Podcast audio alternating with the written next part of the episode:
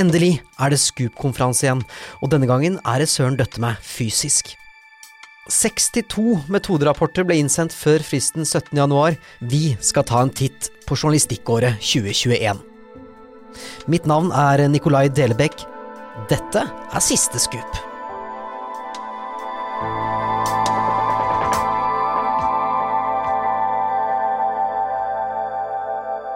Velkommen til denne podkasten som vi altså da har valgt å kalle Siste Scoop. Det er vi i Scoop-styret som rett og slett uh, tenker vi skulle prøve å se litt fremover til det som blir uh, den første fysiske konferansen på tre år. Det er fullt i Tønsberg, så så enkelt er det. Det er ikke et hotellrom å oppdrive omtrent, og vi blir mer enn 700 deltakere. 62 metoderapporter er, er sendt inn, og det er flere enn på veldig, veldig mange år. Vi i Scoop-styret har selvfølgelig ikke oversikt over hvem som, som ligger an til å vinne, hvem som er favoritt hvilke som er forkastet, osv., osv. Det arbeidet her, det er det utelukkende juryen som har oversikt over, og i denne podkasten så skal vi nå, i denne episoden, prøve å få Bernt Olufsen, juryleder, litt ut på, på glattisen. Det kommer vi garantert ikke til å klare, men vi skal gi det et hederlig forsøk. Prøve å finne ut av om, om han har noen favoritter, hvem er det som ligger an til å, til å vinne, og ikke minst hva er det som kjennetegner årets felt. I tillegg så vil det fortløpende da frem mot konferansen konferansen begynner 1.4, legges ut én episode hver dag. Da tar vi for oss ett journalistisk prosjekt, og så ser vi på noe som er spesielt eller særegent ved akkurat det prosjektet. Det blir jo da selvfølgelig ikke en shortlist eller en favorittliste, men vi har rett og slett valgt ut seks metoderapporter med hver sin særegenhet, som vi skal prøve å, lære litt av, da. Men da, aller først, denne episoden. Uh, Bernt Olufsen, velkommen. Du, uh, du, er jo da juryleder, det har, du vært, det har du vært en del år? Ja, det er vel det sjuende året. Sjuende året. Begynner å bli lei av metoderapporter, Bernt? Ja, det begynner å dra seg til litt nå, ja. Jeg må si jeg kjenner litt på det. Det er Eh, sånn at man må gi avkall på store deler av skisesongen når man skal lese Men er ikke, du, er nede i Frankrike i Antibes uansett, da? jo, jeg er jo, eh, det er jo der jeg har vært og lest eh, rapporter nå i vinter, men det er jo fordi jeg må lese rapporter. Nettopp. Uh, hvor mange sider tror du du har lest i, år? Nei, det er uh, i hvert fall mer enn 2000. Uh, altså, jeg tenker metoderapporten i seg selv er vel kanskje 1500-1600-1700 sider. Og så må du jo lese mye av det som Eller se eller høre mye av det som er publisert. Det kan jo være um, befriende med en fjernsynsdokumentar som tar bare en time.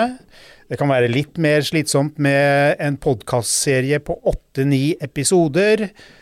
Uh, og så kan det jo hende at det er publisert uh, eh, 70 artikler på nettet så her er det nok å stå i om dagen, ja. Da må jeg nesten spesifisere her at uh, dette er tatt opp uh, eh, 8.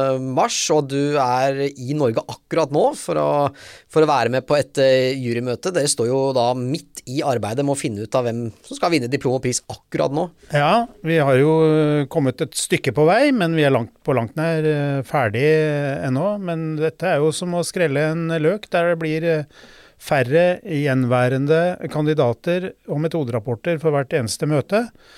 Men fortsatt uh, har vi en uh, god del som uh, finsiktes frem til siste jurymøte, ca. en uke før SKUP-konferansen. Og, og, da bestemmes hvem som vinner? Jeg håper at vi klarer å bli enige da, ja. ja. Jeg skal prøve å få deg litt utpå, um, selv om jeg tviler veldig sterkt på at jeg klarer det.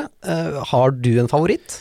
Ja, jeg har nok eh, noen få favoritter, det må jeg nok innrømme. Men uh, jurymøtene foregår jo på den måten at vi diskuterer ting, og vi har, kan ha ulike favoritter. Og det er jo viktig også å høre på argumentene fra de andre jurymedlemmene, som kan ha helt andre uh, innfallsvinkler enn det du selv har hatt. Mm. Vi har jo allerede snakket uh, i en video, faktisk, uh, som vi laget du og jeg sammen for et par måneder tilbake, om hvordan juryen jobber. Men vi kan jo ta en kjapp recap her. Hvordan foregår arbeidet fra liksom metoderapporten, frist, altså fristen for å sende inn 17.1 frem til SKUP 1.4? Ja, da bruker vi først et par-tre uker på å lese alle metoderapportene og gjøre oss notater fra disse.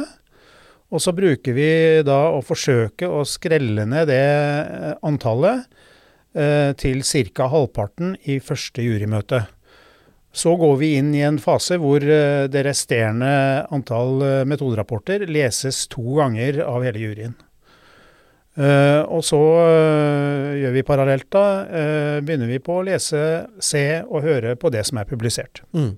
Hva kjennetegner årets felt? Det er i hvert fall veldig mange, det er 62 rapporter som er sendt inn i år? Ja, det er jo veldig gledelig at det er en fremgang.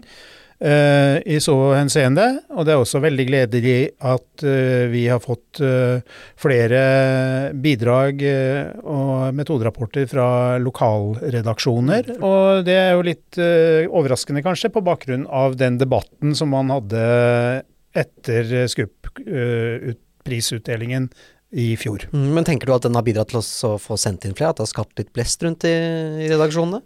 Ja, jeg tror eh, det har bidratt til at vi har eh, presisert litt kriteriene eh, til SKUP-prisen og hvordan juryen arbeider. Da blir det lettere for flere redaksjoner å forholde seg til hvordan metoderapportene skal utformes.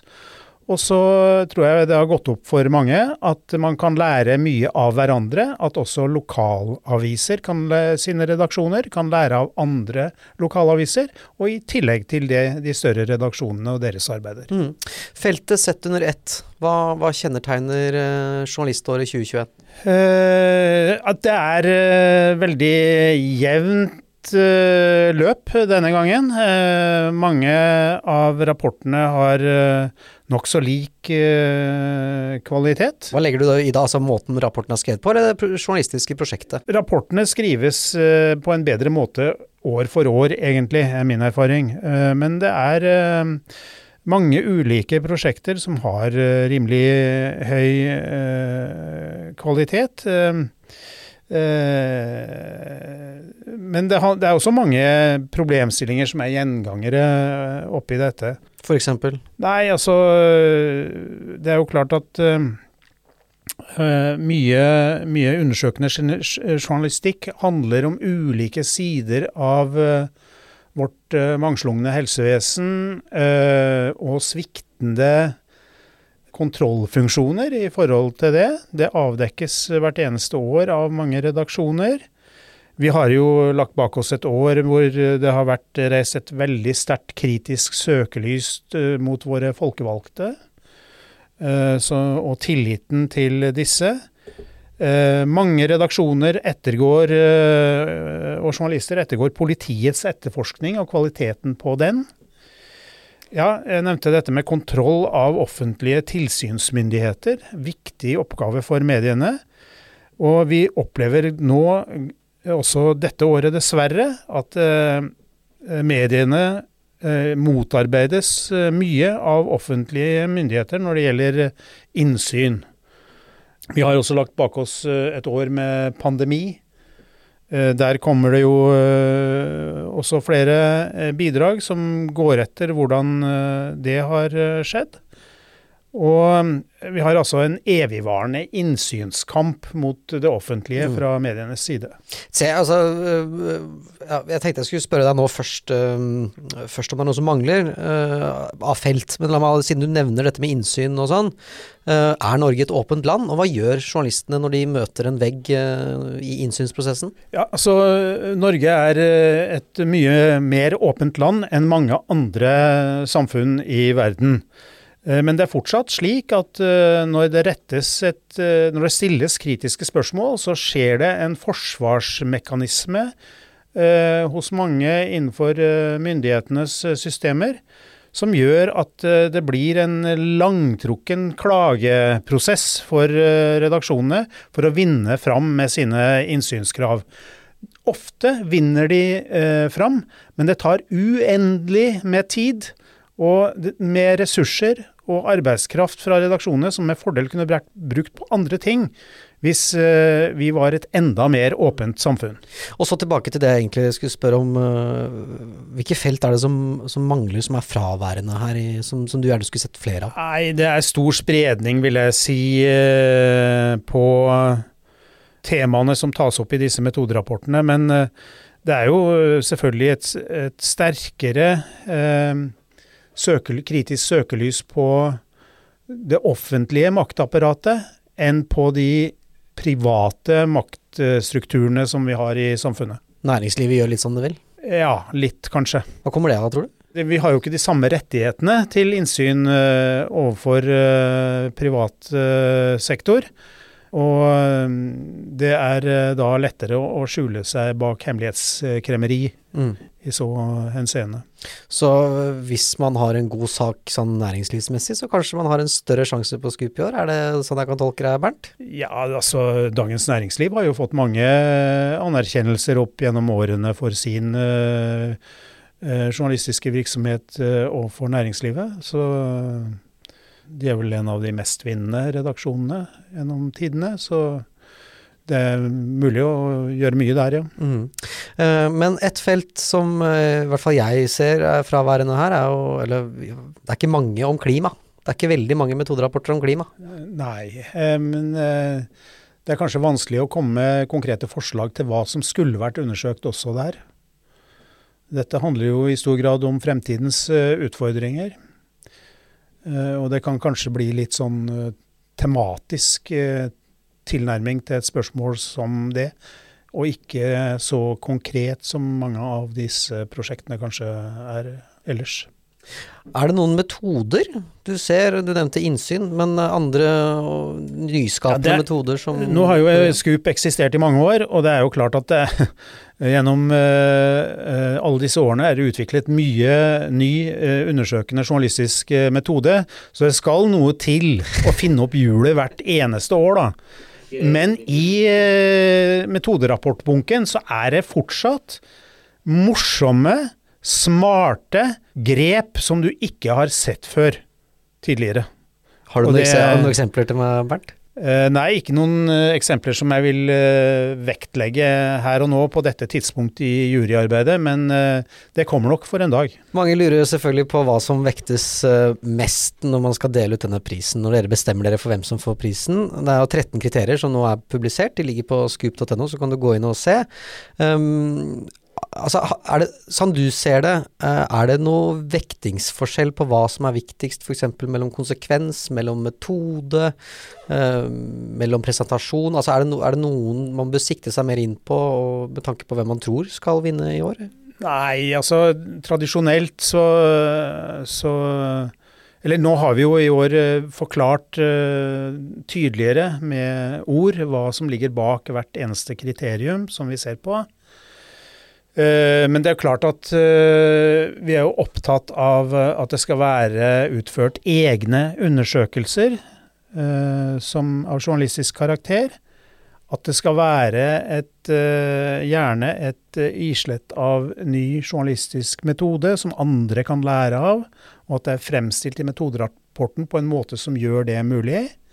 Så er det selvfølgelig eh, dette med nyhetsverdi, da. Hvor eh, stor nyhetsverdi eh, en, en avsløring eller en, et saksområdefelt kan ha. Og så er, det, er, vi jo opptatt av at journalistikken skal føre til noe. At den skal ha konsekvens. Det er nok eh, kanskje noen kriterier som kan være utslagsgivende hvis det ellers ser veldig likt ut. Men vi vurderer jo også kildearbeidet og eh, dokumentasjon og etiske problemstillinger, hvordan det er presentert og ja. Ta den videre da, når du sa at uh, hvis det ser veldig likt ut. Du nevnte jo i stad at uh, det var et sterkt felt i år. At det var veldig mange som var oppe og nikka. Um, hva blir utslagsgivende i år? Eh, nei, det tror jeg ikke jeg skal gå så nøye inn på. Men vi kan jo si det at at eh, kanskje feltet i år ikke inneholder så mye nyskapende metode som det har gjort uh, tidligere, men du verden, det er mange drøssevis av solide kandidater. Og så er det jo klart at mye av arbeidet bærer jo litt preg av at vi legger bak oss et år med mye hjemmekontor og kanskje noe mindre oppsøkende eh, journalistikk eh, som følge av pandemien. Og så er det en, en, tydelig ting som, siden vi nå sitter og snakker i en podkast, så er det jo, tror jeg, første gang at vi i Skup-sammenheng har mange eh, prosjekter som har valgt podkast som sin hovedplattform. Mm. Hva gjør det for det journalistiske prosjektet, sånn du ser det? Nei, Det er jo et nytt uh, og populært uh, fenomen. Det er en ny plattform. Det er uh, kanskje en plattform som mange mediehus trenger å lære mer om før de kan si at de er helt fornøyd med resultatet. Men det er en start på noe her som er spennende å følge med på. Tusen hjertelig takk skal du ha, Bernt Olufsen. Så får vi se hvem som vinner. Prøver en aller, aller siste gang. Har du en konkret favoritt som du har lyst til å dele med oss? Det har jeg dessverre ikke. Nei. Vi er langt ifra ferdig med juryens arbeid. I gave it a go. Og du vil heller ikke si hvor mange som er igjen, antar jeg? Det vil jeg heller ikke si. Nei, selvfølgelig ikke. Bernt Olufsen, tusen takk. Du skal vel tilbake igjen til Frankrike, og så ses vi 1. april på SKUP-konferansen. Det blir en strålende anledning til å møtes igjen, alle kollegene som er opptatt av undersøkende journalistikk. Og til deg som hører på, i morgen så blir det altså den første episoden der vi går gjennom en metoderapport, og da skal vi lære litt uh, av en nestor innenfor norsk presse hvordan man kan holde stayerevnen. Altså hvordan klarer man å holde et prosjekt levende over lang, lang tid. Og han, han har holdt det levende i flere årtier. Vi høres.